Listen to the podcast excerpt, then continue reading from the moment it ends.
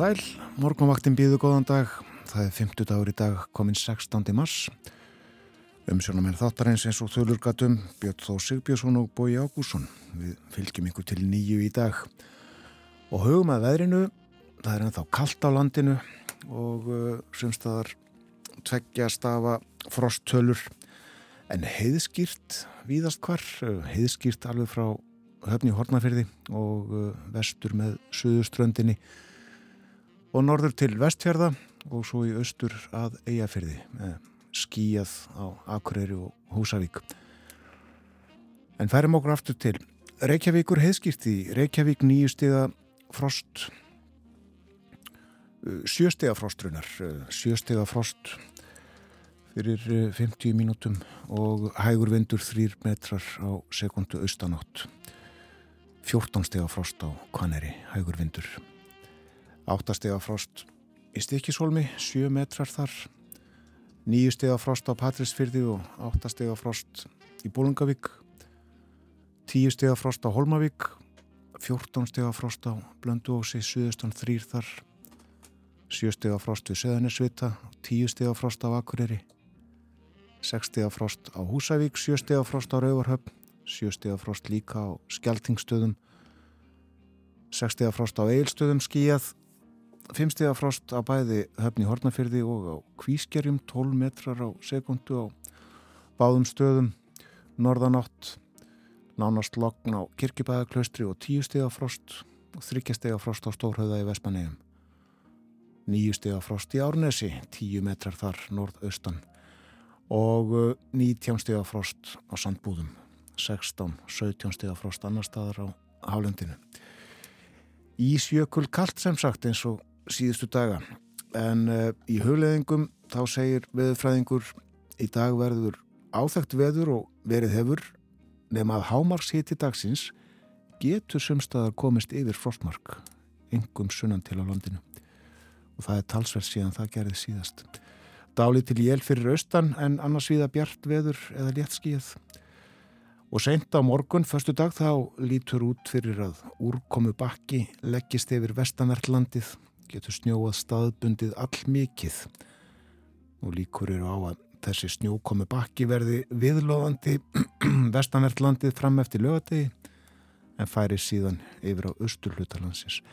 Þannig að það lítur út fyrir að vetur konungur minni einnig ásígum vestanvertlandið eftir langan þurrviðriðs kapla hugleðingar veðurfræðings í dag.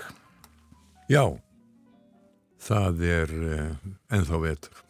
Það er ennþá vetur, já og uh, marsmánuður rétt hálnaður og það fór ekki frá hjá neinu sem að hlustaði á hittatölur Björnþórs að uh, það er vettur en uh, hann stittist í annan endan.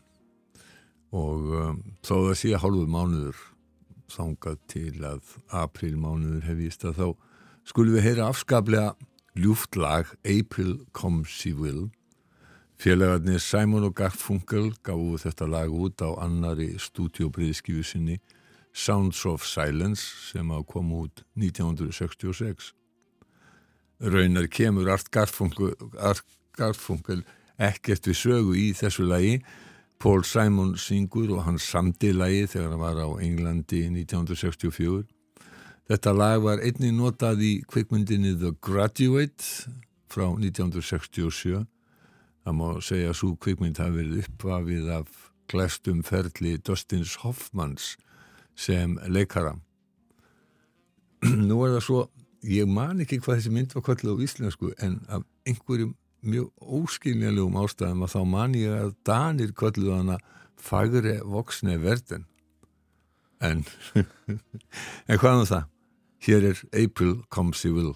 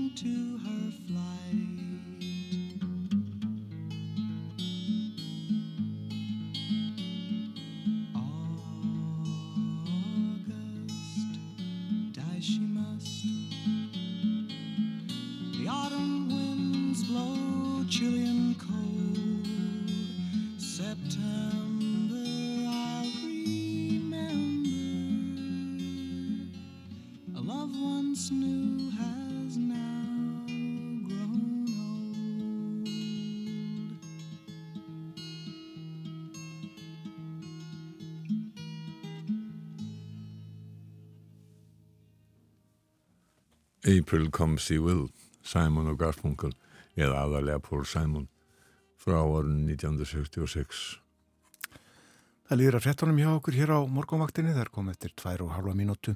Við förum ítalega yfir dagskrá þáttarins þennan morgunin að frettum loknum en eh, nefnum þó að við ætlum að fjalla um eh, þjóðaröryggi og eh, öryggismál vítt og breytt Við ætlum líka að fjalla um efnaðasmál, um, uh, um vexti. vexti og verðbólguna og kvennabarátuna. Já, við eins og þú segir komum við að við. Það eru 40 ár síðan að uh, kvennalistin var stopnaður. Já. Dáli til uh, þáttaskil getum við sagt í íslenskum stjórnmálum. Þó var til kvennalisti áður en allmörgum árum áður en að uh, þessi sem að uh, var stofnað fyrir 40 árum kom til uh, sögunar. Við rifum þetta alls saman upp á eftir, já og uh, þess að fara í talið dasgráð þáttarins þá lítum við blöð, innlend og erlend það er ímislegt og segði heiminum eins og vanlega. Já, það er svo sem alveg hár rétt fjöldum líka að þessum svona stöðuna í fjármála heiminum um, vegna þess að bandaríski bankin Silicon Valley Bank fór á hausinn og það hefur valdið ákveðnum títingi meðal annars að Credit Suisse, stórbankin í Suisse, standi tæft en um, Svisneski Sælabankin hefur nú lofað að standa við baki á hann og, og allir það rói markaði ekki. Tónlist híðan og þaðan líka í handluti en uh, fréttina koma hér eftir smá stund.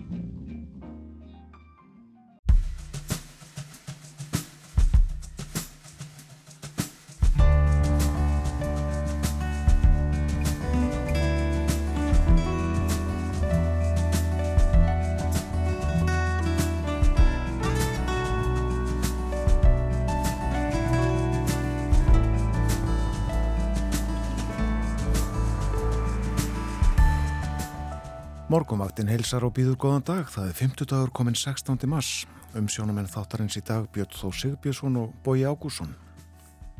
Meðal þessum er á dagskra hjá okkur í dag er að Píja Hansson, forstuðum ár alþjóðumála stopnunar Háskóla Íslands, kemur til okkar klukkan rúmlega hálf átta, þar sem að heimsklugin er venjulega á dagskra á fymtudum.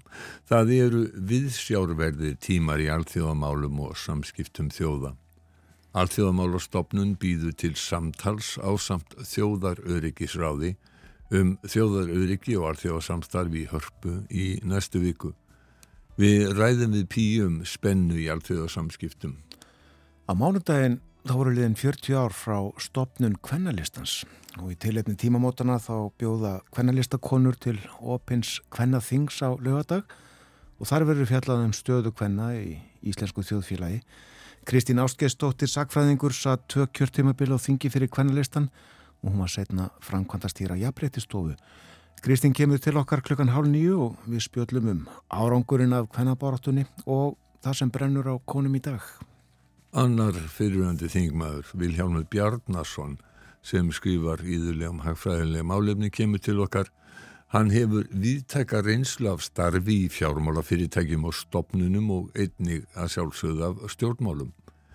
Eh, við ætlum að ræða við Vilhjálmum velbólgu og vexti. Það er margir sem kvarta undan háum vöxtum, þau séu að slíga þá sem að eru að, kaupa húsnæði. En hvað með hinarliðina, fólki sem á peninga á bankarekningum og uh, sér þá brenna upp í verðbólgunni þar sem að vextir eru þrátt fyrir allt lægri en verðbólgan. Einhvern veginn svona verður morgunvaktin þennan morgunin. Það verður kallt í dag eins og verið hefur síðustu daga en hlýra á morgun þó ekki verið neitt sérstaklega hlýtt en eh, eins og við þreytumst ekki á að nefna þá er ennþá vetur, það er bara miðurmars. Réttumlega miðurmars og kallt viða. Og það er hálka á vegum, hálkublettir á nokkurum leiðum á Vesturlandi, hálka og skafræningur á Sínadal. Nú uh, hálkublettir hálka og snjóþekja á nokkurum leiðum á Vestfjörðum og á Norðurlandi þar er hálka, hálkublettir eða snjóþekja og það á flestum leiðum og uh, sömuleiðis á Norðausturlandi. Það er þungfært á Hólasandi og uh, snjóþekja er á Östurlandi hálka eða hálkublettir. Greiðfært þó eins og verið hefur síðustu daga með ströndinni sunnan breyðdalsvíkur þetta er svona það helsta sem að vegagerðin upplýsir um þennan morgunin ástand á vegum landsins. Við höfum að líta í blöðin, Björn Þór. Lítum í blöðin, eh, byrjum á morgunblæðinu. Á forsýðu er gerfitunglamynd sem að líklega var tekin í gær og uh, það má segja að uh, á þessari mynd sést kuldin glöglega sem að var þegar myndin var tekin og er í dag og verið hefur síðustu daga kuldin á norðurkveli festur á gerfitunglamynd, segir hérna og bent á að uh, hafisinn hann er ekki svo fjarrri vestfjörðum og norðan og austanverðlandi þakið snjó. Skíaminstur er einkinandi þar sem kallt og þurrt loft kemur af ísnum og yfir hlýri sjó og lægð austanverðlandi sést vel á myndinni, sandfók af söðuströndinni. Við sjáum svona myndi nú reglulega í veðurfrettunum í sjónvarpinu.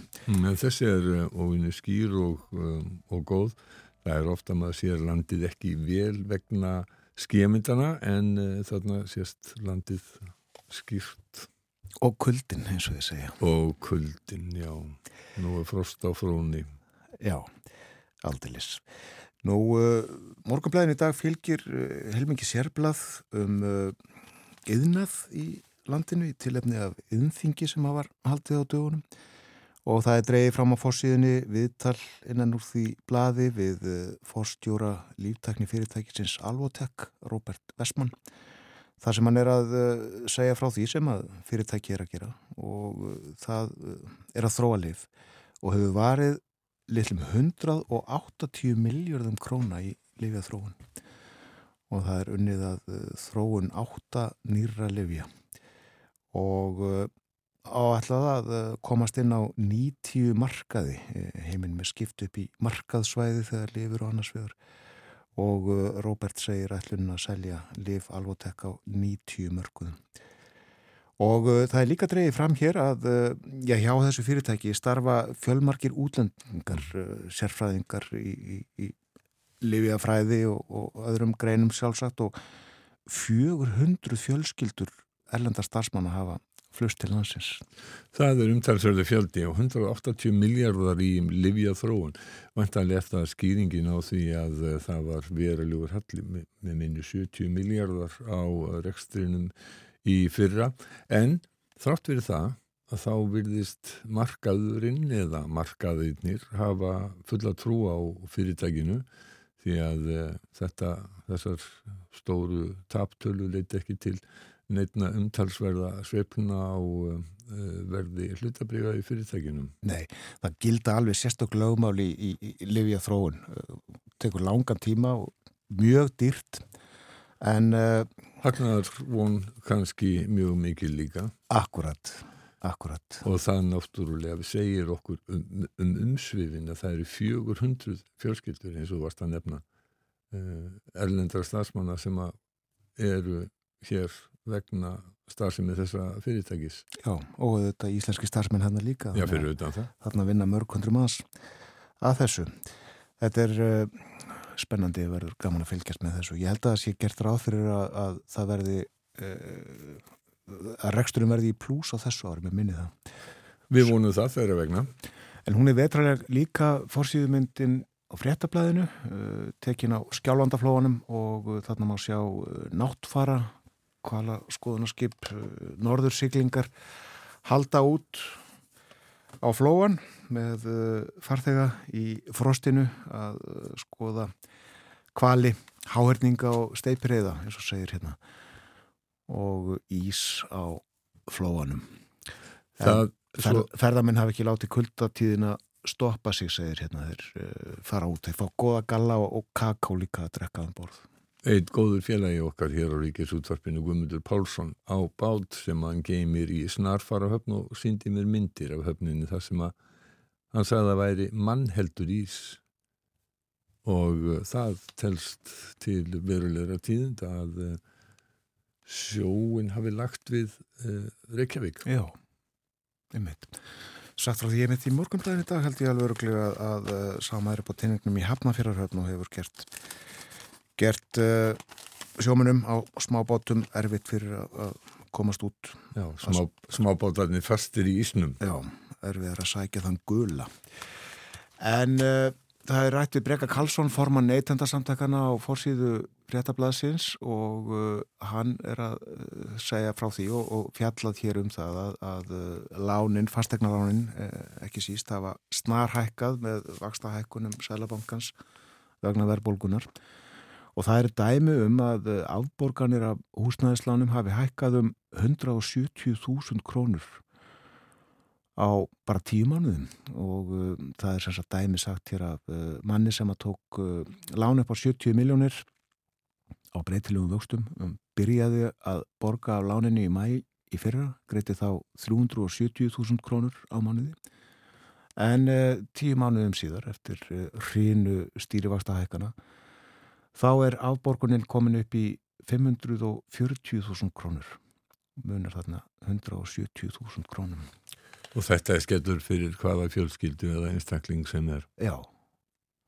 Þetta ræðum við meðal annars við Vilján Bjarnarsson fyrirvendi þingmann hér og eftir. Akkurat. og báðar hlýðar vegna þess að þetta kemur líka nýður á þeim sem að eiga krónuða tvær inn á bankareikningi og uh, má svo svo segja að verðbólgan sem að maður held að væri liðin tíð við sem að munum tíma þegar að verðbólgan var stöðugt í tveggjastafatölu og nálgæðast ég vel þryggjastafatölu að það væri búið. En uh, svo er ekki hilli og ekki bara á Íslandi. Ég held að það sé nú ekki slíkt ástand núna að tala sig um óðaverðbólgu. Það er, það er ennverri aðstæður sem að óðaverðbólga er svo ríkja. Við skulum bara vona Björn Þóri við þurfum ekkert að taka okkur það orð í munn.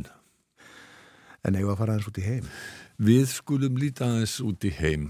Bresk blöð fjalla flesta á fórsýnum sínum um fjárlega frumvarfi sem að Jeremy Hunt fjármálur á þeirra kynnti í þinginu í gær Uh, en það er uh, líka fjallað um átök á vinnumarkaði og uh, eins og við heyrðum í 13. klukkan 7 þar sem að Lundúnabúar eiga erfitt með að komast til vinnu vegna verkvalla.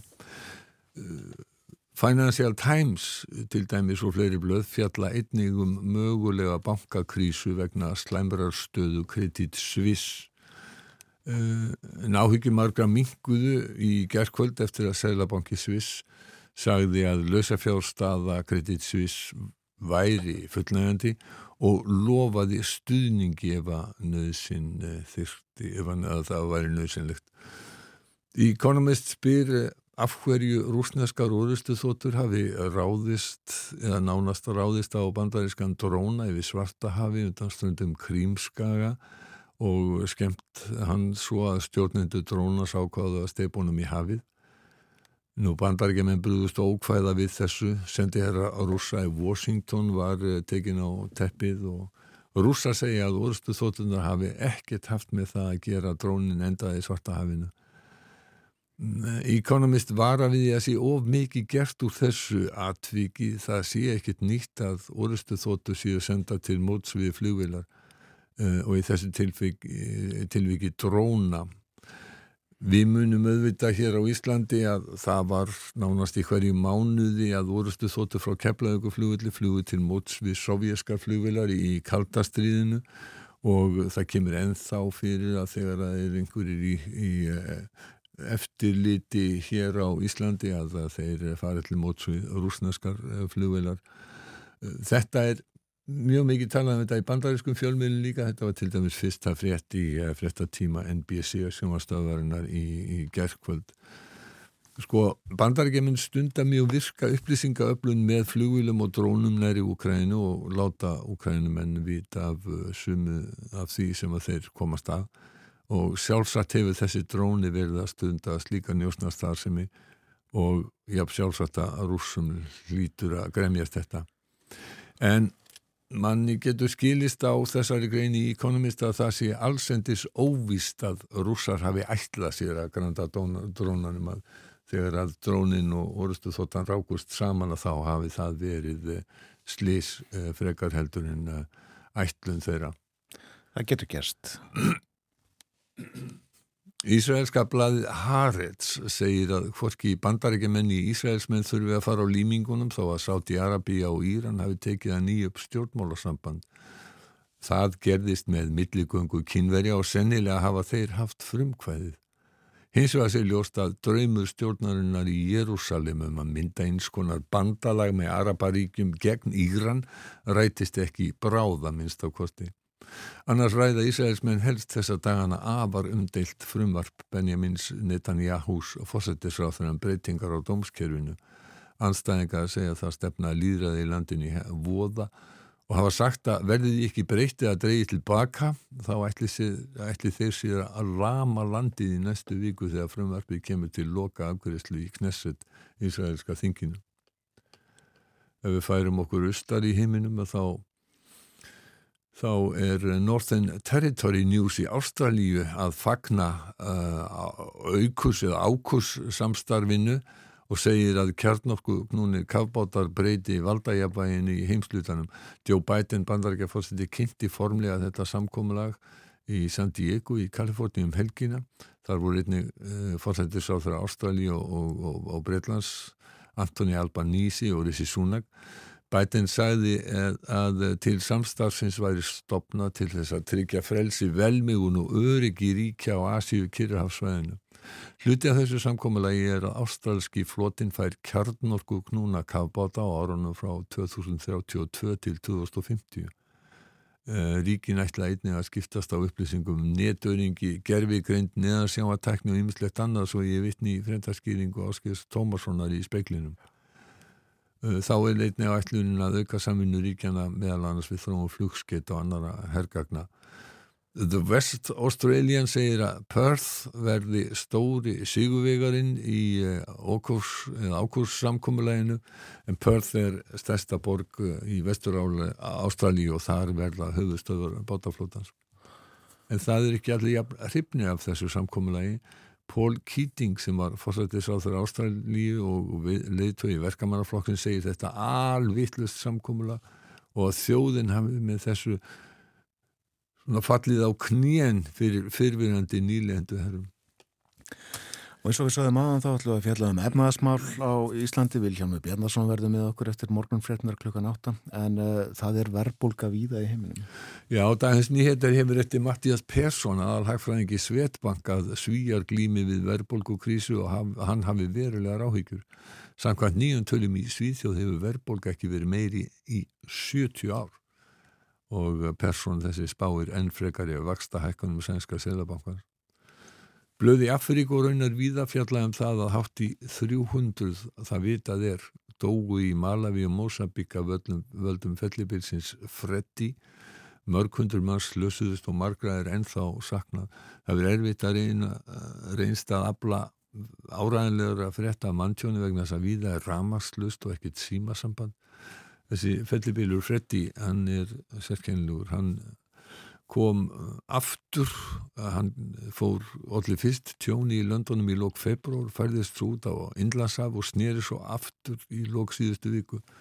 Freddi er mjög langlífu fellibílur, hann myndaðist í byrjum februar við norðustönd Ástralíu og er nú langlífasti hitabeltist fellibílur frá upphafi mælinga. Já. Hefur þá ekki að hlusta á eitt lag? Já, við vorum hér í síðustu viku með í heimsóknum Höllu Nólsö sem er sendikvinna færiðinga uh, hún hefur nú fengið nýtt starf fer hérna frá Íslandi aftur til Þórsafnar uh, til þess að verða fórstjóri Nóra rannsóknarstofnarina sem hefur uh, aðsettu þar. Og hún var hér hjá okkur til þess að tala um tónlist færisku tónlistavíkuna sem þá var. Við færum okkur aðeins sunnar frá færiðum í, í tónlistinni ætlum fara til Skotlands en söngkunan Amy MacDonald sló í gegn í Breitlandi 2007 með læginu Mr. Rock'n'Roll og árið eftir komst hún á topp vinsældalista í mörgum Európulöndu með lægi sinu This is the Life. MacDonald fekk hugljómun 12 ára gömul á Tea in the Park tónleikum sem er fræg tónleikarauði í Glasgow þegar hún heyrði í Travis sem einnig að skipuðu skoskum tónlistamannum Hún kefti bók með gítarljómum og kendi sjálfur sér á gítar pappasins. Aðeins 15 ára á gömul var hún farin að spila á pöppum í Glasgow. Amy MacDonald er ennað og hér heyrum við í henni fjallagum tónlistafólk sem er að njóta lífsins en veit ekkert um næturstað. Were you gonna sleep tonight? Þetta er This is the life.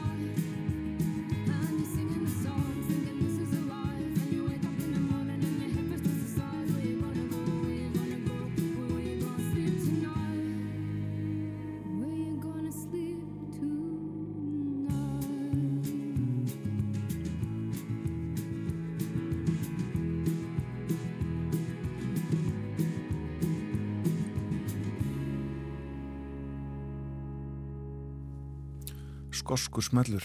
Amy MacDonald, This is the Life. Við nefndum uh, Nora hér áðan og Já. höllu Nólsö Pólsen sem var hjá okkur í síðustu viku sendi kvinna færi á Íslandi. Og hún já, uh, er að skipta en starfa, taka við, við uh, Nora, verður frangatastjóri þar, en Hvað er Nóra fyrir þá sem ekki vita? Það er ríkjasanstarf Íslands, Færiða, Grænlands og, og strandsvæða í norður og vestur hluta Noregs og um, uh, Nóra er með skrifstóri í Færiðum og, og vinnur að því að ebla og þróa samstarfi byggða á atvinnumálum, nýsköpun og sjálfbæri þróun. Þannig að uh, þetta er svona, já, vestnorrænt uh, vestnorræn stofnum getum við sagt. Akkurat Það líður að frettæfi liti hjá okkur fáum það á slæginu halva átta eftir rúmar fjórar mínútur. Eftir það ætlum við að fjalla um öryggis og varnamál Píja Hansen Hansson, forstuðumar allþjóðmál og stofnunar kemur til okkar.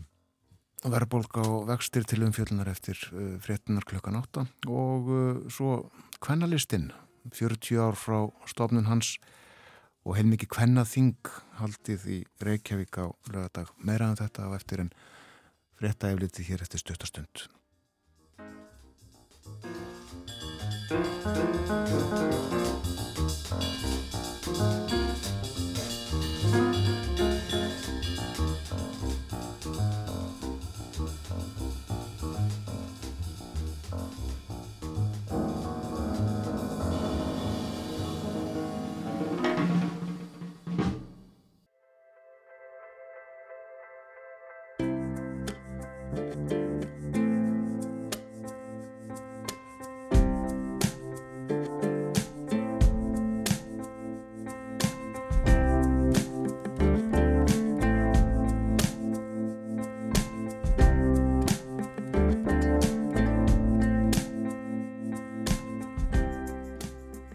Alþjóðamálastofnun Háskóla Íslands býður til samstarfs á samt þjóðar öryggisráði í næstu viku uh, til samtals uh, um þjóðaröryggi og alþjóðarsamstarf í hörpu.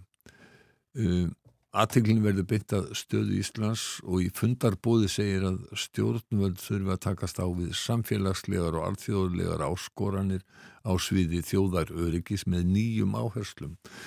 Píja Hansson Forstuðumar Alþjóðamálustofnar er komin hinga til okkur á, á morgunvaktina. Pía, hverjar eru þessar nýju uh, áherslur? Auðvitað, já og takk fyrir bóðið, gaman að fá að koma og spjalla um þessi mál sem að auðvitað brenna á mörgum núna í ljósi aðstæðina hvað er að gerast allt í kringum okkur. Breytar áherslur snúast náttúrulega um og nýjar áherslur um það sem við erum öll að horfa upp á hvern dag í fréttum núna hvað er að gerast allt í kringum okkur. Og það er breytt öryggisumkörfi og við því þarf að bregðast á eitthvað máta. Þegar við tölum um þjóðar öryggi þá er náttúrulega svo afskaplega mikilvægt í því að, að kortleggja og vera með daltið skýra mynd á hvernig alþjóðlegt samstarf byggir undir þjóðarörki og hjálpar okkur í því. Þannig að það er þetta sem við ætlum að reyna að beina sjónum að og auðvitað greina hvaða nýjar ógnir eru til staðar og hvernig er hægt að bregðast við þeim með einhvers konar breytingu mögulegast á þeirri stefnu og því sem við erum að gera. Um, Og ég held að þú veist þetta snýst svolítið um það að við getum alveg sagt að við séum með þessa hornsteina sem að auðvitað uh, er, eru fólknir í aðeldina Allansáfsbandalæginu, varnasamningunum við bandaríkin, fleiri slíka samningar sem við hefum gert við nágrannaríkin og annað. En þetta þarf að vera í stöðugu símati er eiginlega orðið. Við þurfum alltaf að vera að skoða hvort að við séum með eins gott, uh, eins góðan arkitektur á þessum málum og við mögulegast getum. Og núna í ljósi þess hvernig örgis ástandið er almennt, í ljósi innrása rúsa í Úkrænu og ímissja aðra hluta sem að tengjast til dæmis loftslagsmálum og það er ímislegt mm. annað sem kemur til og við verðum að, við verðum að vera svolítið vakandi fyrir þessum breytingum sem er að verða allt í kringum okkur. Fyrir, eh, já, tímum kaldastriðsins, getum við sagt, og já, fyrir kannski 30 árum eða svo, þegar að tala var um þjóðaruriki og ógnir, að þá var yfirleitt alltaf verið að hugsa um svona hernaðlega ógn. En uh, þetta hugtak getum við sagt, ógn við þjóðar öryggi, það hefur vikað mjög og verið útvikað nú tölum við um eins og þú varst að segja við tölum um náttúruna lofslagsvána, við tölum um, um já, mögulega mögulega hættu af jarðskjáltum og eldfjöllum og við tölum um netárásur og allskynnsluti sem ekki voru já, eins og netárásur voru ekki mögulega þá er netið koma sjálfsögðu. Það er allskynns slíki hlutir sem að hafa breyst uh, á tiltölulega skamum tíma. Þetta er svona útvíkun má segja á öryggishugtakinu en auðvita fylgir það því að við búum í breyttum samfélögum.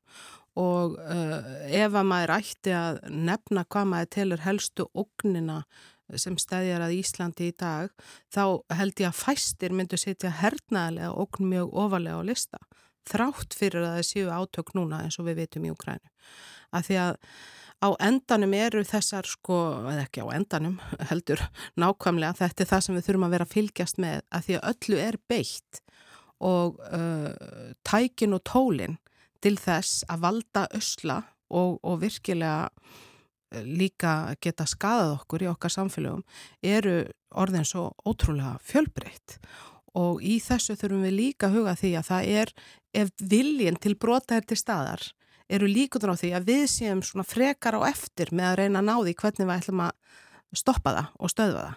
Þetta er svolítið eins og með glæpina, maður segi, þeir eru alltaf tóltið svona skrefin og undan mm. og þetta held ég alveg sérstaklega við varðandi netárásir og annað.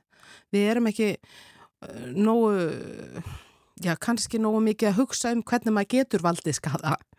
Þannig að þetta, þetta eru svona áskoranir sem að öll samfélag eru auðvitað að takast á við og þetta virðir heldur engi landamæri, við erum að tala um það. Það er náttúrulega, uh, þetta er ekki, það er mjög erfitt ofta að sjá hvaðan slíkar árásir koma til dæmis og hvað veldur og það þarf að skegnast bak við ansi mörg lög til þess að koma staði hvað, hvað er raunverulega að gerast.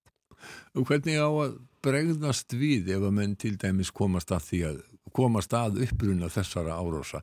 Hvernig á að bregðast við gagvart þeim aðila?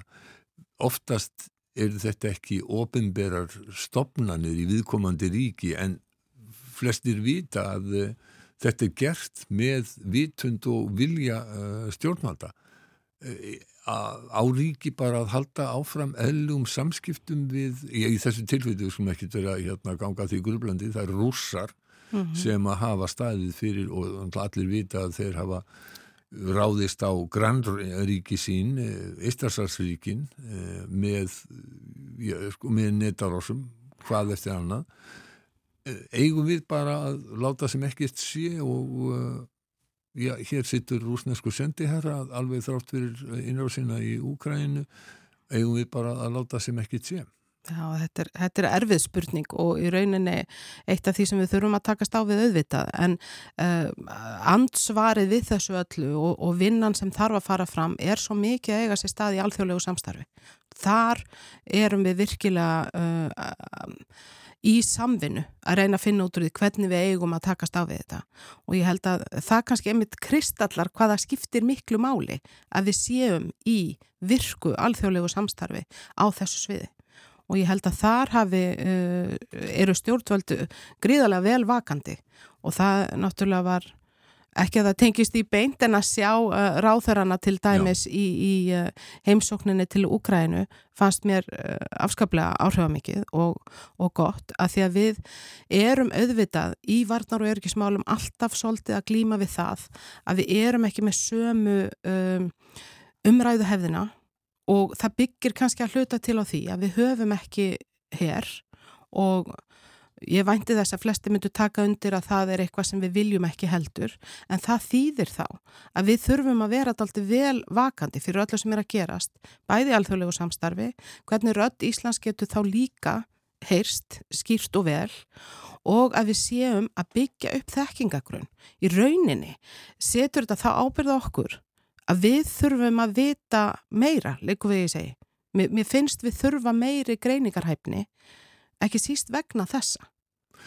Nú hefur ofta talað um það af því að við höfum engan hér og eins og þú segir réttilega þá er nú sennilega flestir á því að það uh, sé rétt að Íslandika séu ekki að koma sér upp hér þó að uh, Arnur Sigurjónsson hafi gefið út bók núna fyrir nokkrum dögum með uppbórstungu um það að Íslandika kemur sér upp 1000 manna hér. Það sem að fylgir því að hafa ekki hér að þá fylgir því já, er, þá er ekki svo þekking herfræðileg þekking eh, til staðar sem er í þeim löndum sem eru með hér er ekki hægt að sleppa hernum en koma svo upp þekkingunni? Já, það er einmitt það sem við höfum verið að reyna að benda á að því ég held að þetta sé alveg eh, sannlega réttjáður. Það er hægt að koma sér upp þessari tekkingu og við skulum ekki auðvita er fullt af fólki sem hefur unnið eh, sem fulltrúar Íslands í þessu samstarfi og er gríðarlega uh, hefur mikla þekkingu eins og Arnór sem hefur náttúrulega sannlega unnið á þessu sviði mjög lengi og þekkir þetta manna best. Um, en vandamáli er náttúrulega þegar þú situr einhver staðar sem fulltrú Íslands sem ennbætsmaður, þú ert ekki kannski beint að taka þátt í almennri umræðu um það og, og ég held að háskólasamfélagi þarf náttúrulega líka að fá fylgja með að veita þekkingunni inn svo að uh, umræðan verður upplýstari og þetta bara, mér finnst þetta að vera leikilatri. Mm -hmm. Alþjóðmálastofnun, hún eh, tekur sjálf þátt í alþjóðlugu samstæðu, þið eru í viða miklu norrænu samstæðu sömulegis, getur þú sagt okkur aðeins af því? Algjörlega, við, erum, við höfum verið í mjög góðu og þéttu samband við það sem við kannski kollum svolítið okkar sistra stopnanir sem eru þó ólíkar okkur að því það standa nú öllu svona tröstar í fótum og eru mm. öllu stærri en það er nú yfirleitt þannig þegar við tölum um, um Ísland og einhvers konar samstarfa við erum yfirleitt minnst en uh, það hefur gagnast okkur alveg gríðarlega vel og við höfum þar alvegandi uh, átt samstarfum mörgrann sóknarverkefni og það sama og við um fleiri um, háskóla og fræðmenn sem við vinnum með í Evrópu og víðar. Þannig að þetta, ég meina, allt okkar starf byggir á alþjóðlegu samstarfi, það er bara nákvæmlega þannig. Við erum til dæmis með mjög viða mikið verkefni núna sem er styrt af uh, Evrópusambandinu sem að heitir Reclaim og heyrir undir Horizon Europe þar sem við erum að skoða uh, upplýsinga óreiðu og ógn sem af því stafar á líðræði. Þannig að við reynum að, vera doldi vel vakandi fyrir þessum ströymum og nýtum þetta samstarf eins og við mögulegast getum. En líka gamna að fá að nefna það að við erum með okkar álegur ástefnu síðasta vetradag, 19. apríl og þá ætlum við að vera með svona fyrstu málstofuna, þá koma til landsins fórstöðumenn þessara norrænu alþjóðamálstofnana þeir koma allir og ætla að taka þátt í samtali um þessar breyttu sín sem við erum núna með á örgismál uh, og, og er breytingar sem er að verða náttúrulega þegar við horfum á Norðurlandi núna og, og mögulega eingöngu Svíþjóðar vonandi líka og Finnlands í NATO.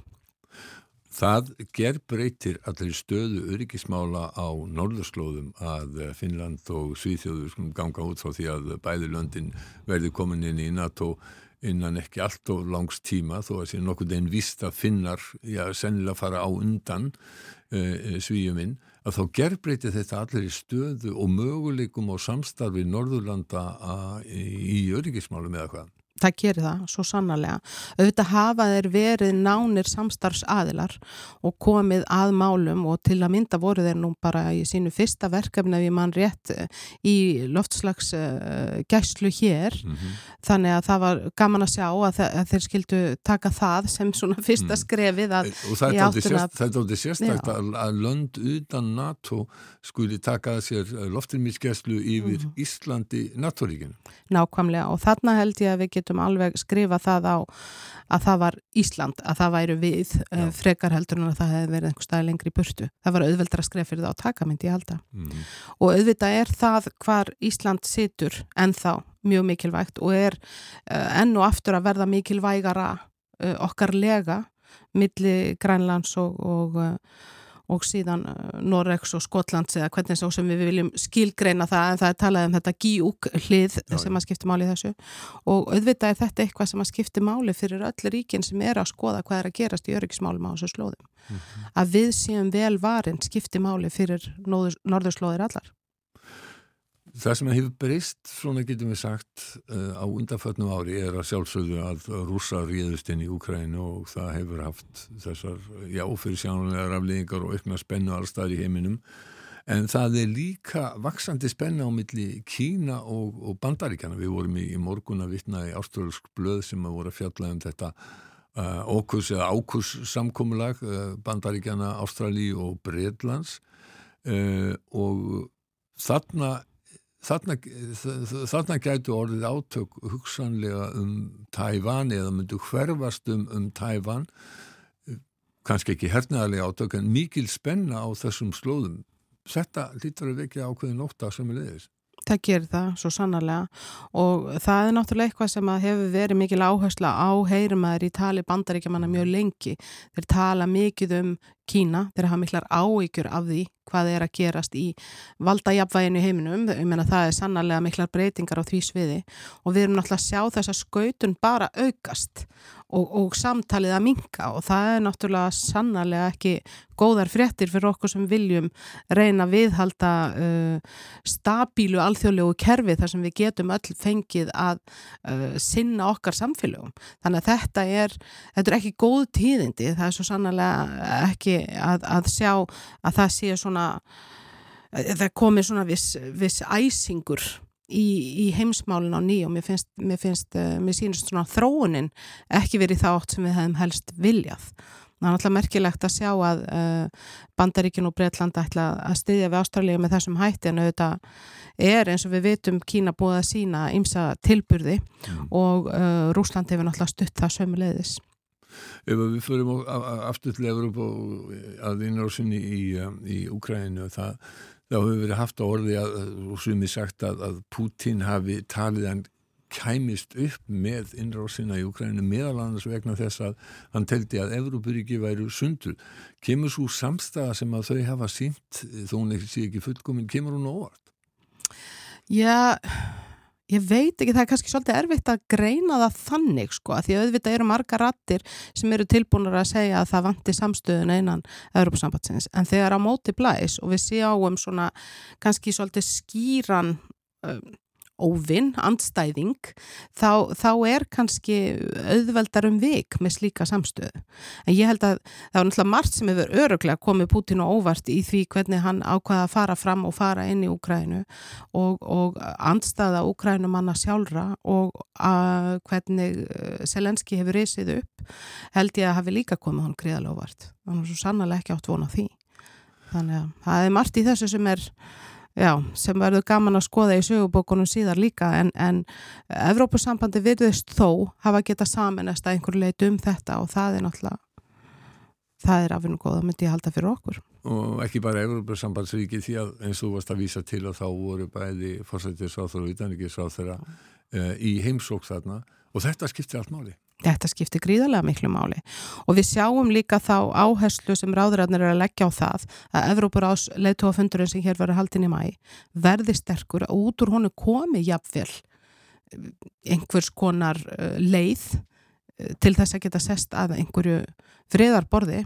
Það er kannski full sterti árun að tekið að tala um frið núna og mörgum finnst það mm. en það er samt þannig að það þarf að halda bóleðunum opnum og það þarf að skoða framtíða markmiði sem hlýtur að vera við reynum að leysa þessa deilu.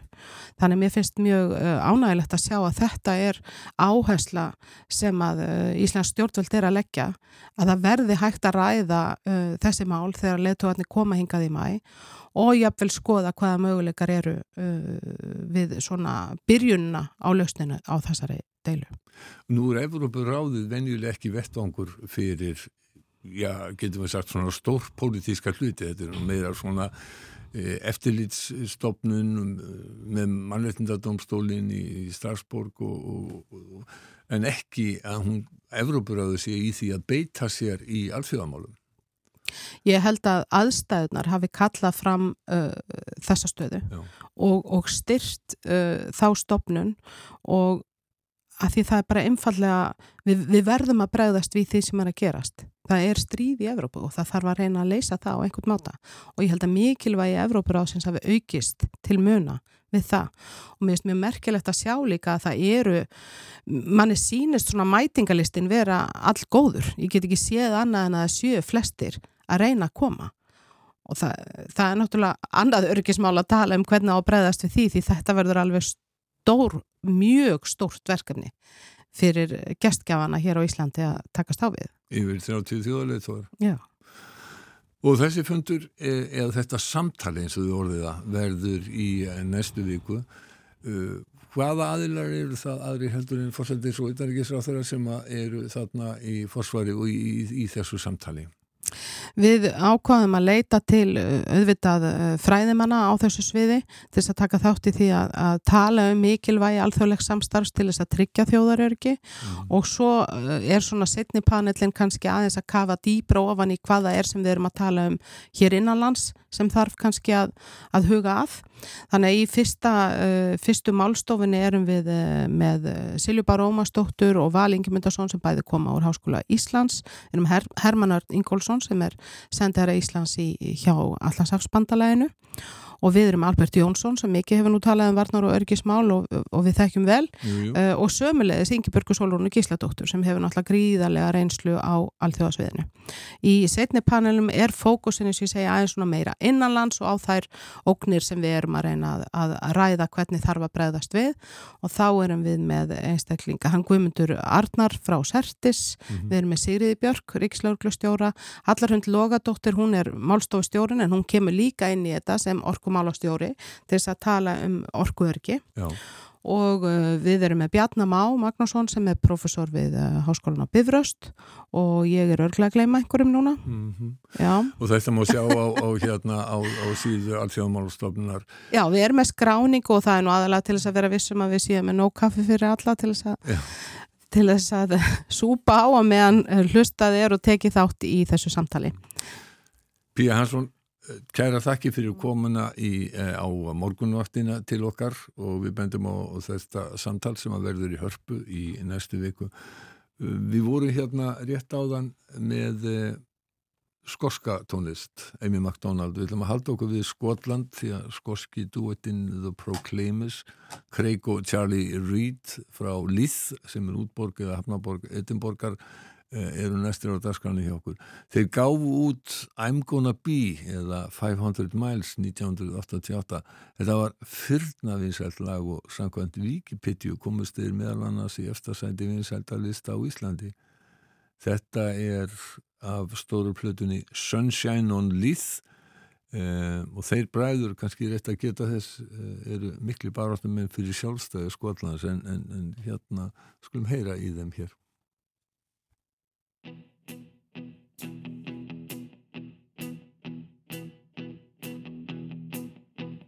wake up, well, I know I'm gonna be, I'm gonna be the man who wakes up next to you.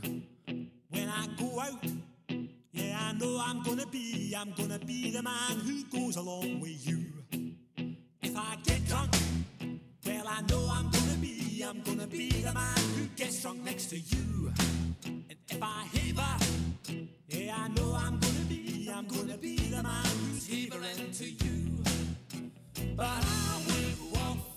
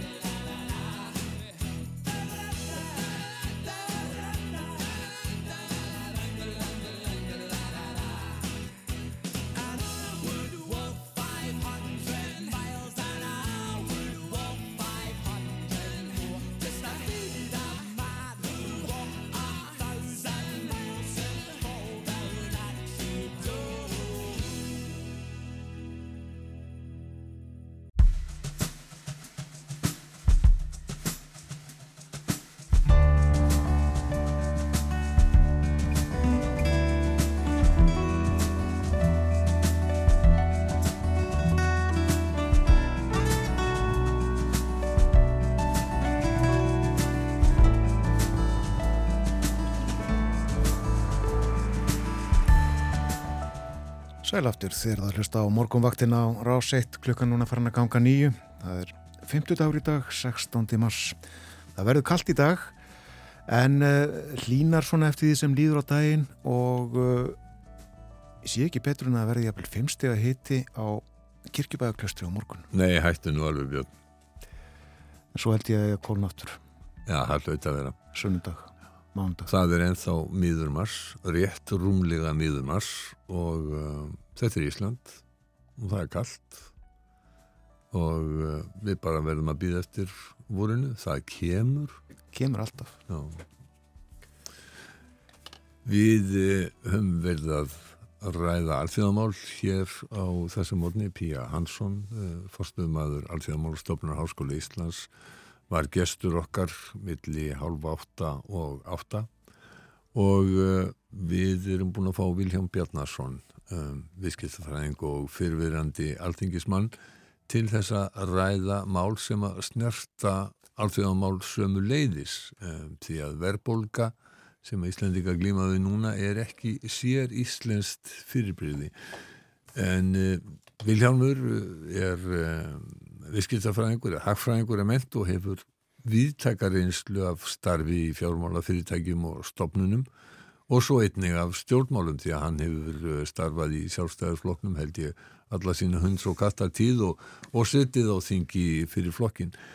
Uh, við ætlum að ræða verðbólgu fyrr og nú, krónuna, vexti og slíka hluti. Velkomið Viljámur. Takk fyrir.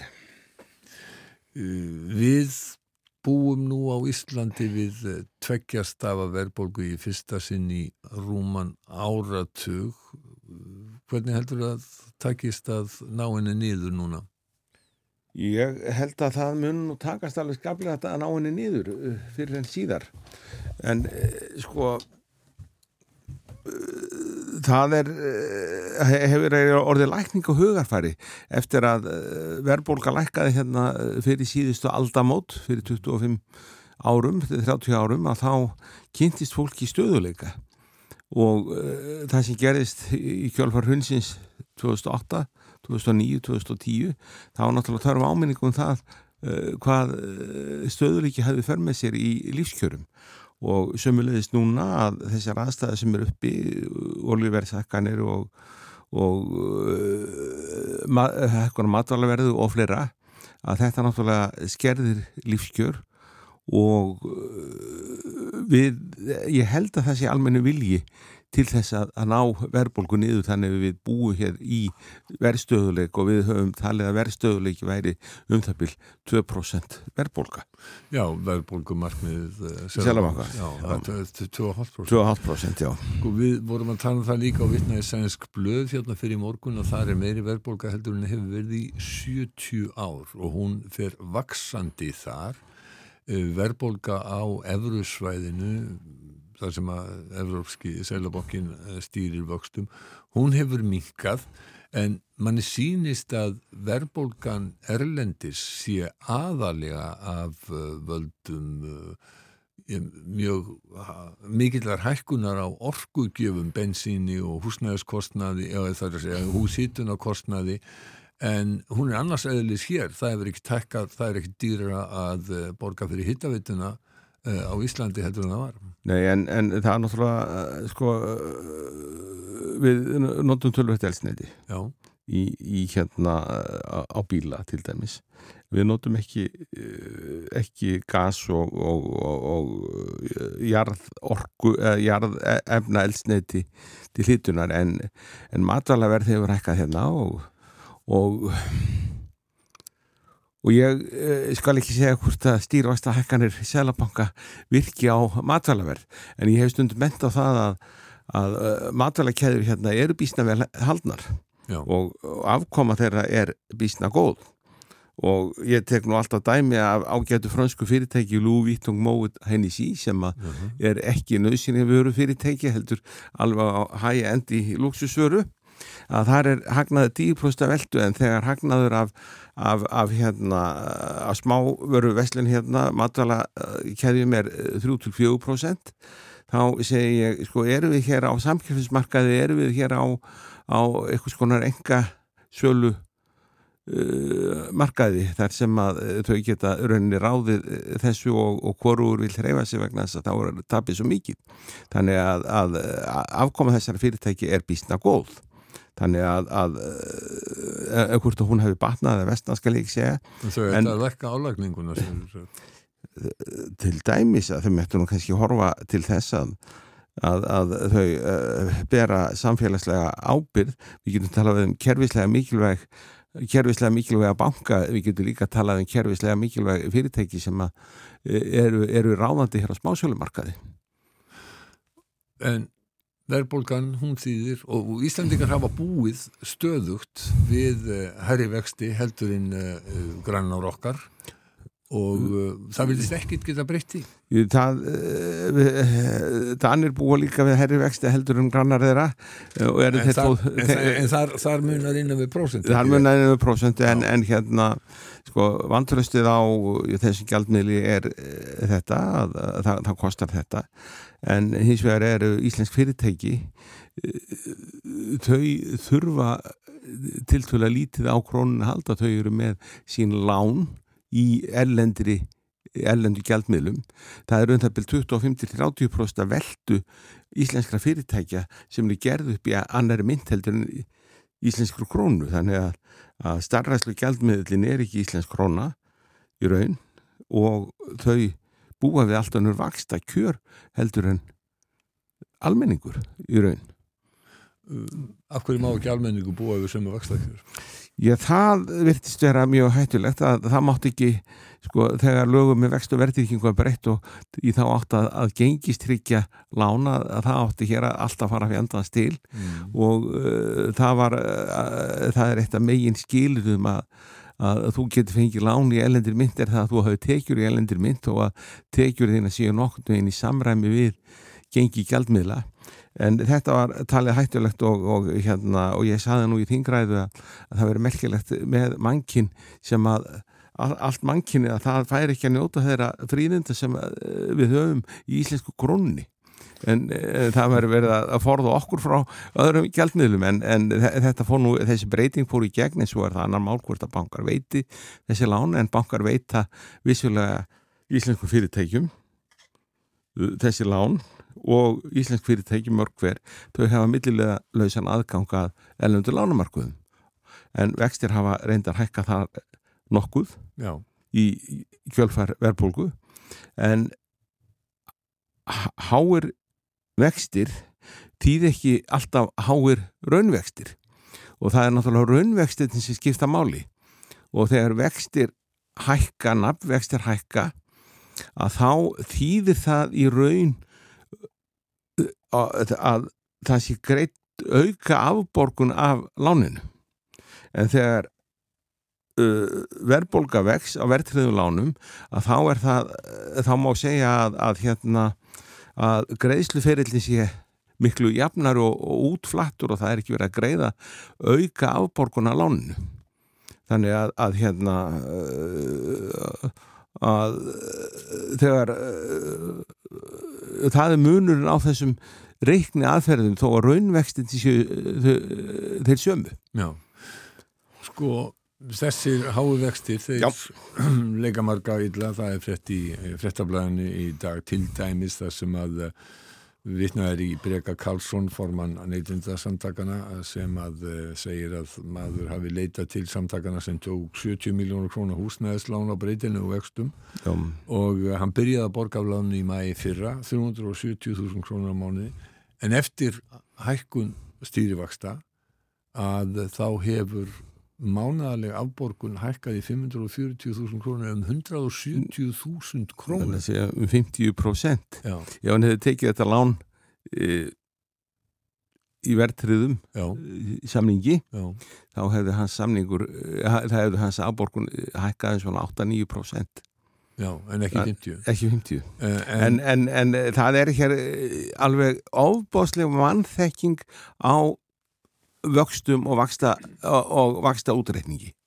Og ég kendi þessi fræði í um 20 ár, 25 ár. Já, og árangurinn þeirri kjenslu er nákvæmlega engin að uh, vannþekkingin og, og fullinningarna sem ganga hér út og leiðbynningarna sem að fólk er að fá hvert hjá öðru eru allar sko bara út í tóma vittlisu Þetta vísaði eitthvað sérstaklega?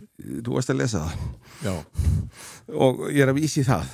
Og ég er að vísi það að, að, að, að verðtrið láneiga vera svo hættulega og það var það stýtt að lánstíma úr 40 árum í 25 þetta var kallað Íslandslán. Og það þýtti bara á einu bretti 40% hækkun á á, á greiðslubyrði verðtriðar lána og þó að einstaklingurinn gæti sjálfur stýtt þetta 40 ára lán í 25 ára lán með því að greiða auka aðborgarnir svona af og til en, en það er uh, annað samningur Hvernig þú viljað sjá þetta? Sko, ég hef náttúrulega viljað fyrst og fyrst sjá sko, upplýsta umræðu og að uh, lántækandur uh, lærðu vakstarekning og að þessi svokalluðu leiðbeinendur á, á fjármálumörkuðum sem eru nú eh, ekki allir mjög spækir að þeir kynnu líka sín fræði og, og, og hérna sko þessi uh, aðferð sem að tekinu upp hérna já, hvað var að segja í kjölfar Óláfslaga 1981 og var nú reynda búið að taka upp fyrir vegna þess að nokkru lífeyrisfjöður hefði ekki sérstaklega heimil til að lána mm. verðtileg lán að hún bara veldur miklu jafnari greiðslubyrði Mm -hmm. Ólafslögin sem þú ætti að vísa til eru kentuð Ólaf Ólaf Jóhannesson frá 1979 og þau eru sett 1979 til þess að verðtryggja uh, lán. Sérstaklega að verja lífeyrisjóði sem sem að tóku við uh, greiðslum frá uh, launtakendum launþegum til þess að, að tryggja þeim lífeyri. En þetta brann bara upp í lánum til skuldakonga og eins og er að gerast í dag í íslenskum möngum. Nú, og þar kemur að vegna þess að eins og við þetta dæmi sem við vorum að nefna hér og haftur þetta í breyka kalsinni að þá eru margir sem að hafa farið illa út af því núna að hafa tekið lán, hálán og uh, kannski kannski trúað þeim sem að uh, þú varst að vitna til að uh, kynnu kannski ekki sitt fag. En minna, við erum að tala um við erum að tala um banka við erum að tala um stjórnmálamenn við erum að tala um þessi, kerfi sem að eiginlega segir fólki að uh, nú sé komin tími lágra vaksta og fólk í þeirri trú tekur lán og uh, stendur núna fram með fyrir því að það ræður kannski ekki við afborgaðunar. Já, já, ég, ég bara get e, e, e, ekkert sagt um þetta annað en það að, að, að, að það getur sennilega skipt um samning og, og sko munurinn á, á þessum svokullu óvertriðu lánu sem ég setja að gæsa lappa vegna þess að þau eru vertrið, þau taka breytileika eftir, eftir hérna ákvörðu selabakastjóra en aftur verðtrið lán þau taka breytingum eftir hlutlæri mælingu á breytileikanum sem er, er verðbólku álag. Í, í öllum vaksta útreikningum allstaðar í verðeldunni er verðbólku álag á raunvexti. Þannig að það er ekkit sér Íslands fyrirbriði En nú er hinliðin á penning og það er eh, fólk sem að eh, á penning og er með það inn á banka, þú varst að vísa til lífeyri sjóðana sem sáu peningana verðmætið e, sinna peninga brenna upp í, í, í verðbólkunni á sínum tíma. E, hvað getur fólk sem að það, fólk sem að á, á peninginu banka, það sér lánin, það sér innistæðu sína rýrna þannig að það eru það er, það er ekki bara þeir sem eru lántakendur, það eru líka þeir sem að eiga sparifíðin og banka sem að tapa. Já, já, ég er hérna með tímaritt sem kemur út árlega sem heitir fjármál og ávöxtun samtök sparifíða og þetta hafa látið vinna upp ávöxtun á uh, innlánskjörum í böngum og verbreyfasjóðum og ég tek til dæmis hérna, við skulum bara taka þjóð, gamla þjóðbankan, landsbankan að hérna að það er nafn ávöxtun á 60 á 60 mánuða 5 ára eh, verðtriðinu reikningum 9,44% árinu. En þegar út er gengið þá er raun ávöxtun mínus 1,810 og 1% og uh, þannig eru einhverjir lágir nafnvextir en uh, það eru 22% skattlagning á, á verðbætur og nafnvextina sem skilja sér í því að þessi 9,44% skilja sér í, í, í 1,81% neikvæðum vöxtum á reikninum og þarna kemur fjármára ráð þeirra að að verð að, að skatleggja verðbætur. En ef við förum nú yfir í annan mál sem heitir enska að þá er þýðingin og verðbótum á ensku inflation adjustment. Mm -hmm. sko verðbætur er ekki tekju aukning það er ekki eigna aukning verðbætur er aðlugun að þessum breyta veruleika sem verðbólgan hefur för með sér.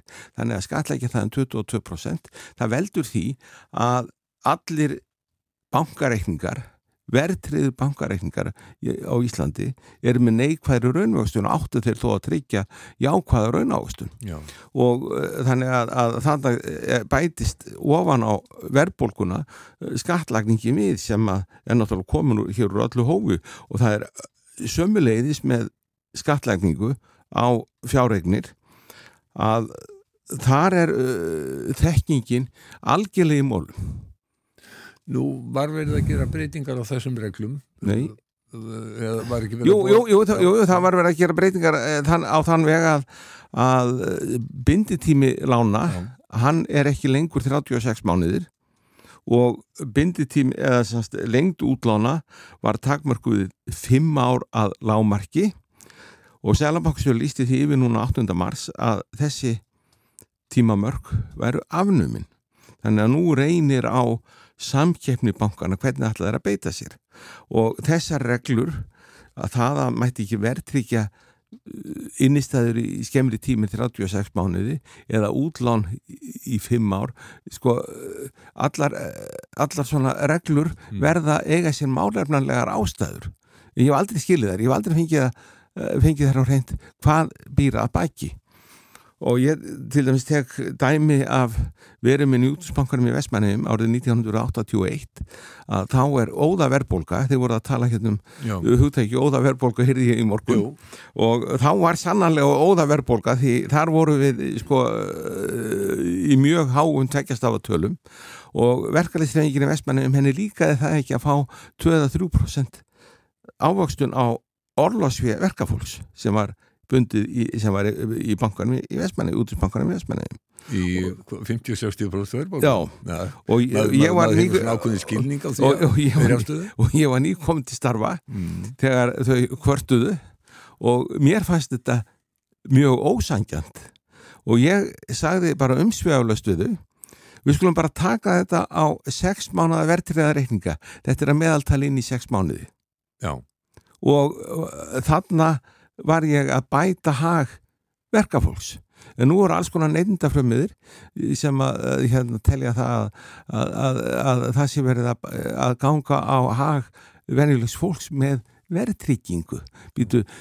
Hverjir eiga peningi banka? Það er fólk, hverjir skulda í bankum það eru fyrirtæki.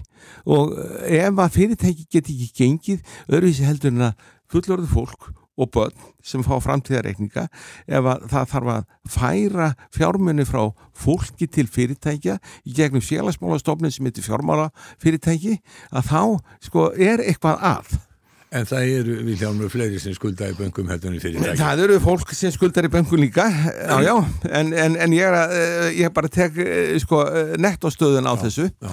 og hérna... Og það, og það er það fólk sem er að kvarta núna undan, undan já, því að það vísi valla undan. Já, já, ég, ég hef heyrt þetta, ég hef heyrt þetta í, í, í, þau 65 ár sem ég hef minni til að þetta hafi verið erfitt og, og, og, og auðvitað er það erfitt að, að eignast taka yfir höfuð og það var mér er bísna erfitt líka en ég hérna, barðist nú í gegnum það og ég komst einhvern veginn í gegnum það.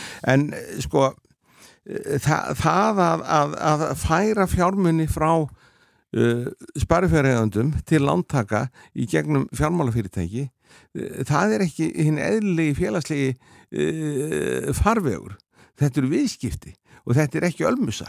Já Viljámur Bjarnarsson, takk fyrir að koma til okkar að, að ræða þessi mál sem að brenna á svo mörgum uh, og uh, við uh, hættum að halda hér, já.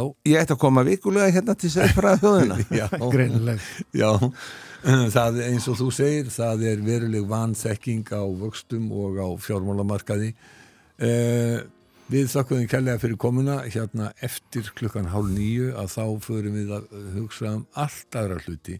Þá er það kvennaþingi tilefnið þess að það eru 40 ár frá stopnun kvennalistans. Kristín Ástgersdóttir kemur til okkar.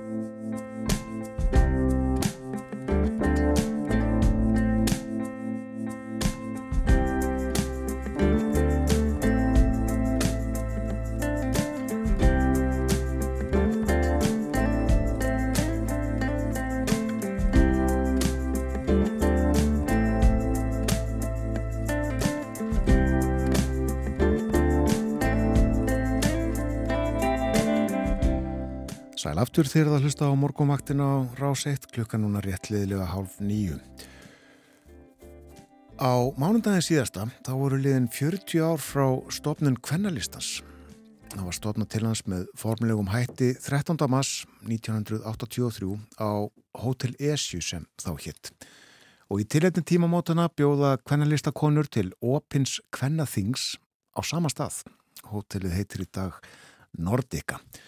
Og hér hjá okkur í hljóstofu 6 er Kristín Ástgeistóttir sagfræðingur. Hún var varaþingkona framanaf, satt svo á þingi 1991 til 1999 og var svo setna framkvæmtastýra jafnleitistofu. Velkomin til okkar. Takk fyrir.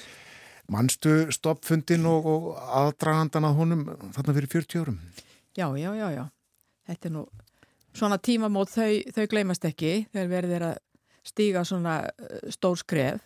Sko árið áður, 82, þá, þá buðum við hvenna frambóðskonur fram til borgarsjónur í Reykjavík og, og konur á, á Akureyri. Og, og síðan var nú heilmikil umræðum það hvort að ætti að, að bjóða fram til alþingis og var nú ekki einingum það en, og var enda felt á fundi en, en, en við vorum þarna þó nokkrar sem voru nú ekki sáttar við það. Og þegar slíkt gerist þá er náttúrulega bara að stopna maður nýjan félagskap og, og við gerðum það á, á Hotel Esju þarna 13. mars 83 og, og, það var bara góð uh, þáttaka og, sko við, ég held að okkur hafi nú verið það mörg og ljósta að sko við vorum búin að setja af stað reyfingu þetta var, eins og ég hef oft orðað það sko þegar við erum búin að segja A þá verður það að segja B. Þannig að vil svo til að það eru kostningar ár eftir ár. Og þannig að þetta var tækifæri og fólk sko alltaf gleymir því að það veit ekki hvernig staðan var á þessum tíma. Þá sáttu þrjár konur á alþingi. Þær voru 5% þingmanna þá sko, já. Og þannig að, að þetta var náttúrulega algjörlega ósættanlegt og, og svona málefni, þjóðfélagi var að breytast mikið, atvinni þátt ekki að hvenna óðum, fór óðum vaksandi, það var, það var svo mikil, mikil skortur að vandraði með dagvistun og, og Og, sem eru enn? Já, sem einmitt, það er, það er merkilegt að þetta skulle vera komið upp mm -hmm. aftur og ekki, ekki gott mál. Nú, skóladagurinn var, var sundur slitum, það var svo margt sem að gerði uh, fjölskyldum og, og maður tala ekki um einstæðu mærum sko, erfitt fyrir. Þannig að það, það var svo margt sem að brann á, á hvon launamísjetið og bara öll orðræðan, kynjaða orðræða. Sigurvíður, Dúna, uh, Kristmjörnsdóttir og Guðrún Agnarsdóttir þær voru á ringbröð fyrir vikunni að ræða þetta og, og myndust þar líka á það að það hefði ekki verið einhúr um það að fara í frambótt til alþingis. Sko, hvers vegna, ef ég má, má spyrja, svona eftir á að higgja með, þá getum við sagt í baksinni spekli sögunar, þá virðist þetta svona, já, ákvönduleiti óhjákvæmilegt þegar að fyrsta skriðu var stíð, af hverju var ekki einhúr? Sko ég held að sko, þetta var náttúrulega mjög mikið verk að fara inn í borgarstjórnina. Mm. Það, það var náttúrulega, við fengum þetta tvo borgarfulltrúa, við fengum fulltrúa í mörgum nefndum og, og mörgum fast að þetta væri bara sko ærið verkefni þó verðum ekki farið að bæta þarna ofan á að, að fara inn á, inn á alþingi og síðan var, var það svona kannski hugmyndafræðileg hugmyndafræðilegur ágreiningur um það hvort þetta væri svona já, hvað, einu sinni, hvað sem að gerir einu mhm. sinni, svona aðgerð sem, sem gerðir einu sinni en eins og ég segi sko, það var náttúrulega að ástandi var þannig það þetta var bara að halda áfram Já, en það var hvenna frambót til borgarstjórnar þarna bara fljótlega upp úr 1900 og Já, 1908 Ingi, 1908 og svo var Ingi Björg H. Bjarnason kjörinn á þing fyrir hvennalista 22 er það ekki? Jú, jú, jú En svo bara gerist ekkert í tíu ára Nei, nei, og það þetta hefur náttúrulega mikið verið rannsakað í, í hvennalsögunni og, og viða þetta sama gerðist annar staðar, það konur fengu kostningaréttin en það breyttist nánast ekki neitt. Það, þetta var ein og ein kona sem að, sem að hérna, fór inn, inn, á, inn á þing eða kannski fleiri í, í sveitastjórnum en, og þær voru bara óvelkomnar. Kerfið vildi þær ekki. Vildi, vildi bara ekki og það var náttúrulega mjög ákvæmur hugmyndir um hvert hlutverk hvenna væri og hver það ætti að vera. Já. Þannig að, að, að, að það sama gerist að það gripi til ákveðina aðgerða til þess að að koma málum á, á reyfingu. En hvernig fannst ykkur uh, og, og þér núna uh, þegar þú horfir aftur ykkur vera tekið svo þarna á aðranum upp um 1980? Sko þetta vakti náttúrulega gríðarlega aðtikli og, og jafnvel, skjelvingu hjá svona stjórnmálaflokkonum. Það var allt í hennu ráðist á þeirra helgu við og, og við vonum auðvitað gaggrindar eh, mikið. Auðvitað bæði þetta konur og kallar eiga að vinna saman sem eiga auðvitað að gera. En, en þegar ástandi er svona eins og þeirra þá þarf að bara grípa til eins og ég segi, grípa til, til aðgerða. Og það, sko, maður sá þetta þetta er nú, þetta er nú verið rannsaka sko, hvernig, hvernig svona kerfi bregst við að, að það er reynd að gera konur hlægilegar það er haldið frá þeim upplýsingum og, og svona fleira og, og það var nefnitt, sko þegar þær komið þarna þessar þrjár fyrstun og alþingi þá var, þá var svona reynd að gera það hlægilega. Þær hefði nú ekkert vita á málum og, og svona mm. alls konar ímsar fyrðulegar umræður sem áttur sér stað. En þeir kallarnir voru nú fljóttir átt að segja á því að, að þetta voru konur sem vissu sínu viti þannig að það, það hætti nú. En, en samt sem að, það var nú með þessi eftir að ég var komin þarna inn að, að þá þá svona, og við vorum að flytja tillögur um, um ímislegt eins og, eins og aðgeri til, a, til að spórna við kynferðisleiri áreitni. Ég man að ég var með tillögu um, um hérna kynfræðslu og, og sko þá, þá fekk maður þetta, sko þetta er á tíunda áratögnum sko meiri vittlis en í ykkur hvaða þerf er á þessu? Og, og svona umræða sko í í þá, svona, já, í þá veruna Og voru ykkar tillögur almennt ekki samtíktar? Nei, almennt ekki samþýgt, en það var nú ein og ein og, og fyrsta tillagan sem var samþýgt, það var um úttækt á, á naukunarmálum og ofbeldi gegn konum sem var síðan leti til stopnunar neyðarmóttökunar. Það var svona ein og ein. Og ein. Mm. Var engin munur á uh, afstuðinni til ykkar uh, eftir, uh, var, var, var sama viðhorf ríkjandi í öllum stjórnmáluflokkum? Já, til að byrja með, til að byrja með þá voru við bara ógnun. En, en svo Svo held ég að menn eh, svona hafi smátt og smátt farið að skilja það að, að, að þetta var náttúrulega, að þarna, já þarna var reyfing, þetta var umræða sem fór á stað, flokkarnir brúðust við og, og það fóru fleiri konur, eh, eða komist fleiri konur í, í svona sæti ofar á listum heldur en, heldur en áður, þannig að, þannig að það verður mikil fjölgun sko á, á þessum tíma, fór þarna fyrst úr og 5% í 15 og svo upp í 22 og, og svona áfram sko, þannig að Og það, og það er gaman að skoða þess að tölur sko að þegar maður horfir á sveitastjórnirnar þá er þetta algjörlega sko samfelt aukning, hvað er þetta með þess að komnar í meiri hluta núna, aðeins, aðeins í meiri hluta, en það er, það er meiri sveiblur á alþingi, aðeins meiri sveiblur það, og það er stafar að því að það koma nýjir flokkar og, og það eru, eru dæmi flokkar sem bara núna sko, undan að færi kjörtjumabil það sem eru flokkar sem eru komið engar konur. Mm og, og hérna Já, þannig að það er svona meiri sveiflur og sætin náttúrulega svo miklu miklu færri. Akkurat. Slagurinn og sætin. En þó að uh, tilugur ykkar uh, hafi nú ekki margar verið samtíktir þarna í fyrstu og þá komiðu málum á uh, dagskrá. Það var umræða um alls konar mál sem ekki hafði verið rætt áður að vettvangi stjórnmála. Smátt og smátt, sko, þá náði þetta inn, sko. Er gott dæmi, það er til dæmis fæðingaróla við að, að, að við vorum að flytja þarna tilugur um, um lengingu fæðingarólofs um að, um að feður fengju fæðingaróla, þetta er náttúrulega löngu áður en það, það kemst svo á. En, en svo fer þetta svona, fer þetta að hafa áhrif. Ég maður það, það var sko þegar hún Ragnhildur Helgadóttir var heilbyrðisir á þeirra þá, þá var gerð breyting var, og það var svo mikill munur á fæðingaróla við sko ofinbæra starfsmanna og, og þeirra sem voru á almennu vinnumarkaði. Þannig að það, það verður svona það verður svona reyfing Og, það, og, og, jú, og við settum mál virkilega á dagskráins og ofbeldi gegn konum sem bara nánast ekkert verið rætt í, í sölum alþingis. Við tókum upp málefni samkynneira, það hefði nú reyndar verið aðeins gert áður en, en það var til að sem férst samþygt að gera úttekt á réttarstöðu samkynneira. Já, akkurat. Var þetta hár rétt hjá ykkur að fara fram á sínum tíma þó einhverjir hafi verið á, á, á mótið því? Algjörlega. Já. Þetta var náttúrulega bara, það var bara nöðsynlegt. Það var bara nöðsyn. Samfélagið væri verra í dag ef að þið hefði ekki það, komið fram. Já, það held ég, já, ég held að það hefði gengið hægar. Já. Það er náttúrulega alls konar þetta, þetta hvort kemur undan ekki það hænan sko að, að það er náttúrulega auðvitað líka alls konar efnahagslega breytingar og breytingar á atvinnaháttum og kröfur um aukna menn menntun og, fleira og fleira sem auðvitað ítir á samfélagsbreytingar. En, en ég held að þegar við horfum yfir þær breytingar sem hafa orða á íslensku samfélagi undan farin 40 ára að þá er það auðvitað fyrst og hennast bara átt að hvenna sem að hefur skilað skila árangri.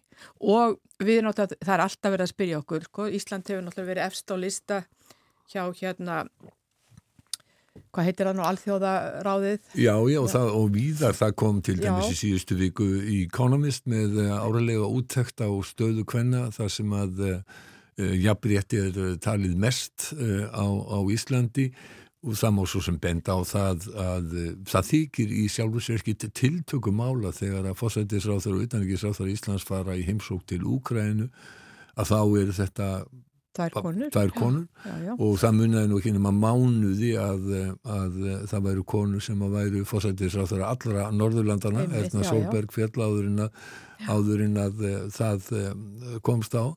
Þannig að eh, staða hvenna hún hefur, hún hefur gerbrist hvað þetta var þar en hið fullkomna jafnrétti, það er talsveit langt undan og var ekki Guterres, framkvæmtastjóri saminnið þjóðana með 300 ár 300, 300, já, því, með, það, með, með, með þeim raða sem að væri núna þá tækir það 300 ára að ná jafnrétti. og það, sko, við sjáum það að, að sko, í nokkrum ríkjum heims þá, þá og ansi mörgum reyndar þá hefur, þá hefur staðan alveg hríðversnað og það er nú einn ástæði fyrir því að við erum að, að kalla sama þetta þinga að það er náttúrulega bara þær áhyggjur sem að, sem að já, við höfum að því að horfa út í, út í heiminn og við spyrjum okkur að þetta getum við lagt eitthvað að mörgum, er eitthvað sem, að, sem við getum gert sko, til, til stuðnings og, og já, ég ætla að koma að því sko, að, að það er alltaf verið að spyrja okkur sko, hvernig, hvernig hefur þessi árangur náðst? Og þá er ég tala um bara ofinbæra aðel og þeir sem hafa verið að vinna í þessum málum og og, og þá, þá er alltaf mitt svar sko við að við höfum náttúrulega haldið hér uppi sko stöðugri baráttu, stöðugri umræðu meðan að hvernarhefingar sko hafa, hafa dala, þetta er svona stopnana gerst, þetta er svona meira það þetta, það er svona jafnbreytistofur og ímiskonar svona ofinberi vettvangur þar sem að málinn eru, eru rætt en svona lifandi hvernarhefing, hún hefur Já, hún hefur lifað betur hér enn í, en í, en í mörgum öðrum löndum. Já, hvernig uh, eh, rann inn í samfélkinguna á sín tíma? Uh, var það rétt skref eða hefði hvernig átt að starfa áfram? Sko, ég held að hann hafi ekki gett að starfa áfram. Ég, það var bara, tímin var, tímin var liðin. Uh, hins, vegar, hins vegar var, og það, það var náttúrulega mjög, mikla deilur um þetta og, og, og, og klopningur. Ég treysti mér nú ekki til að svona leggja mata á það sko að, að, ég, ég var þeirra skoðunar að við ættum bara að leggja nýður kvenlistan, bara hann ætti bara að fá að, fá að lifa í, sín, sínu, í sinni sögu en það voru nú aðrir á, á, á annari skoðun við sjáum það nú að, hérna gengi samfélkingarnar hefur nú verið mjög mikið upp og, upp og ofan og ég vil nú meina að það hafa hlutið til vegna þess að það var ekki staðin og vel að, að undirbúningi. Já. En hvað brennur á konum í dag? Þið ætlaði að spyrja þessu á, á uh, Nordica hotelli á lögadagin. Já, það, það, er, það, það er í rauninu mjög margt sem, að, sem að brennur á, á konum. Þú, við nefndum hérna áðan dagistarmálinn sem, sem var náttúrulega eitt af þessum stóru málun sem var verið að að reyna að berjast fyrir og, og Reykjavíkulistin tók verulega á hér í, hér í borginni nú og þetta kom í einhvert óefni. Nú það, er, sko er ennþá launamiðsétti í gangi þó að hafi minkað og, og við sjáum það, það er, það er hluti hvenna sem býr við mikla fátækt og, og á mjög erfitt með að sjá sér farborða. Ég hef sjálf miklar áhyggjur af, af, af þessu vannmatti á, á ummannunarstörfum hvenna, við sáum það nú vel í COVID hvað þessi störf eru gríðarlega mikilvæg og, og það er bara frá leikskólanum og, og, og já, leikskólanir, grunnskólanir, allt heilbriðiskerfið. Þetta, þetta er náttúrulega undir stöður sem að sko, sjá til þess að, að þjóðfélagi gengur. Við sjáum umræðina núna, mæðurnar er að tala þær þurfa að minga vinnu mm. og akkur, akkur maður vorandi feðurnir líka reyna að skipta þess á milli sín en, en það verður náttúrulega hver að hver að stýra því fyrir sig. Já, það kom fram í sjónarsvettum í gæri og það sem að tala um konu sem sagði að báði fóröldarnir hefðu mikkað þessi vinnu. Já, já, já, já, þetta er auðvitað mjög erfitt en, en þetta, þarna, þetta tengist held ég sko þessu vanmati á þessum mikilvægu starfum. Ég er nú oft sagt sko hvað er mikilvægara í nokkru þjóðfélagi en að búa vel að börnum. Það er ekkert, það er ekkert mikilvægara en maður vil eiga sko heilbritt heilbritt og gott samfélag. Þetta eru uh, sömu máluðu töluðum fyrir já, 40 árum? Já, það er, það er, nú það, það er ímislegt í sambandi við sko helsu kvenna, það er staða svona eldri kvenna líferismálin og, og já, og, og þetta sem ég nefndi hérna á þann hvar, sko, hvar er, er umræðinum frið?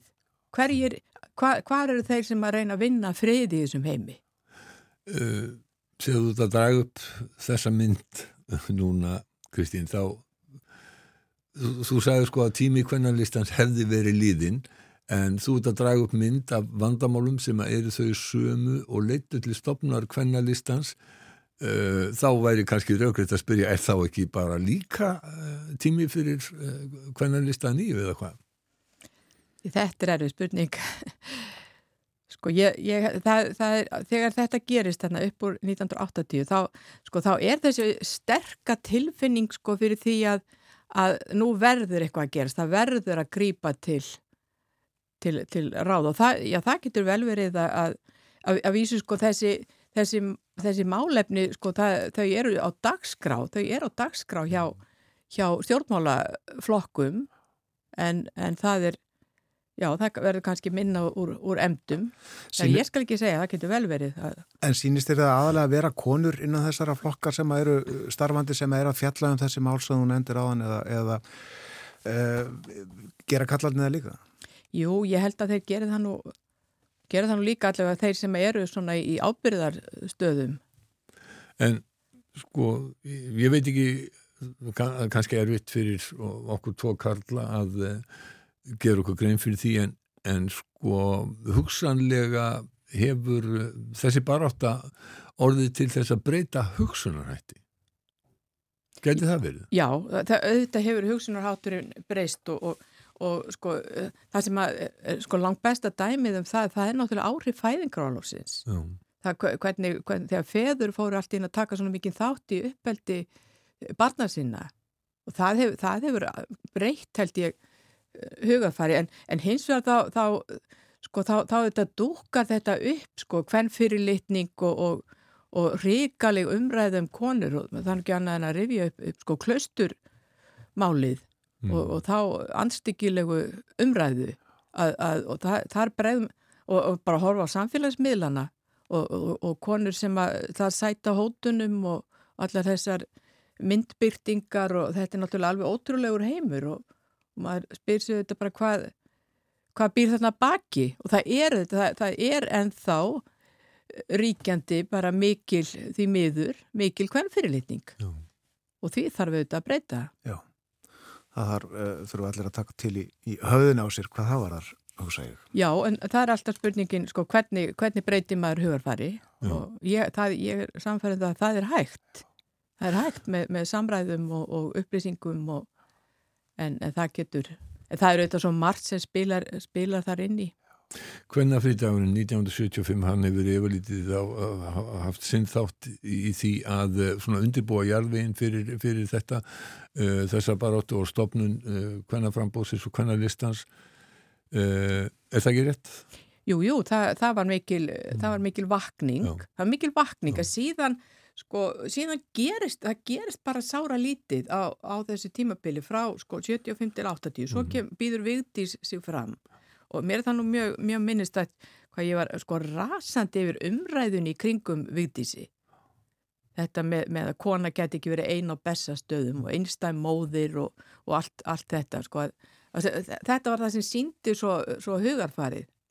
Við höfum einmitt, kannan að segja frá því að, að svona í tegnsluvíta þing þá höfum við verið að rifja upp ímislegt og meðalans myndir eftir segmund veri, og, og ég skal segja ykkur það, þar, þar, sko, þar er að finna myndir sem að sko er þið allt vittlust út af í dag. Já. Já. Sko hvernig, hvernig, þau veitir, hvernig listakonu voru, voru teiknað sko, já, bara nárast berar. Já, já. Þannig að það, það hefur, það hefur nú ímislegt breyst sem betur fer.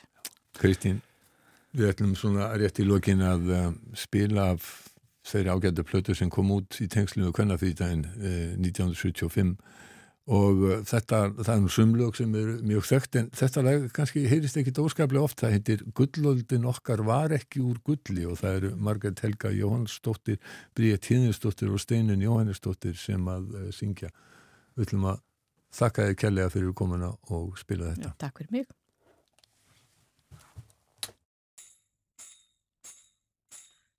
Gullöldin okkar var ekki úr gulli og Íslands sagan er fulla bulli. Þar er í fólki sem verkin vann, segi ég þér með sann. Ekki skánaði eftir hana, ekki var brúðið gömlum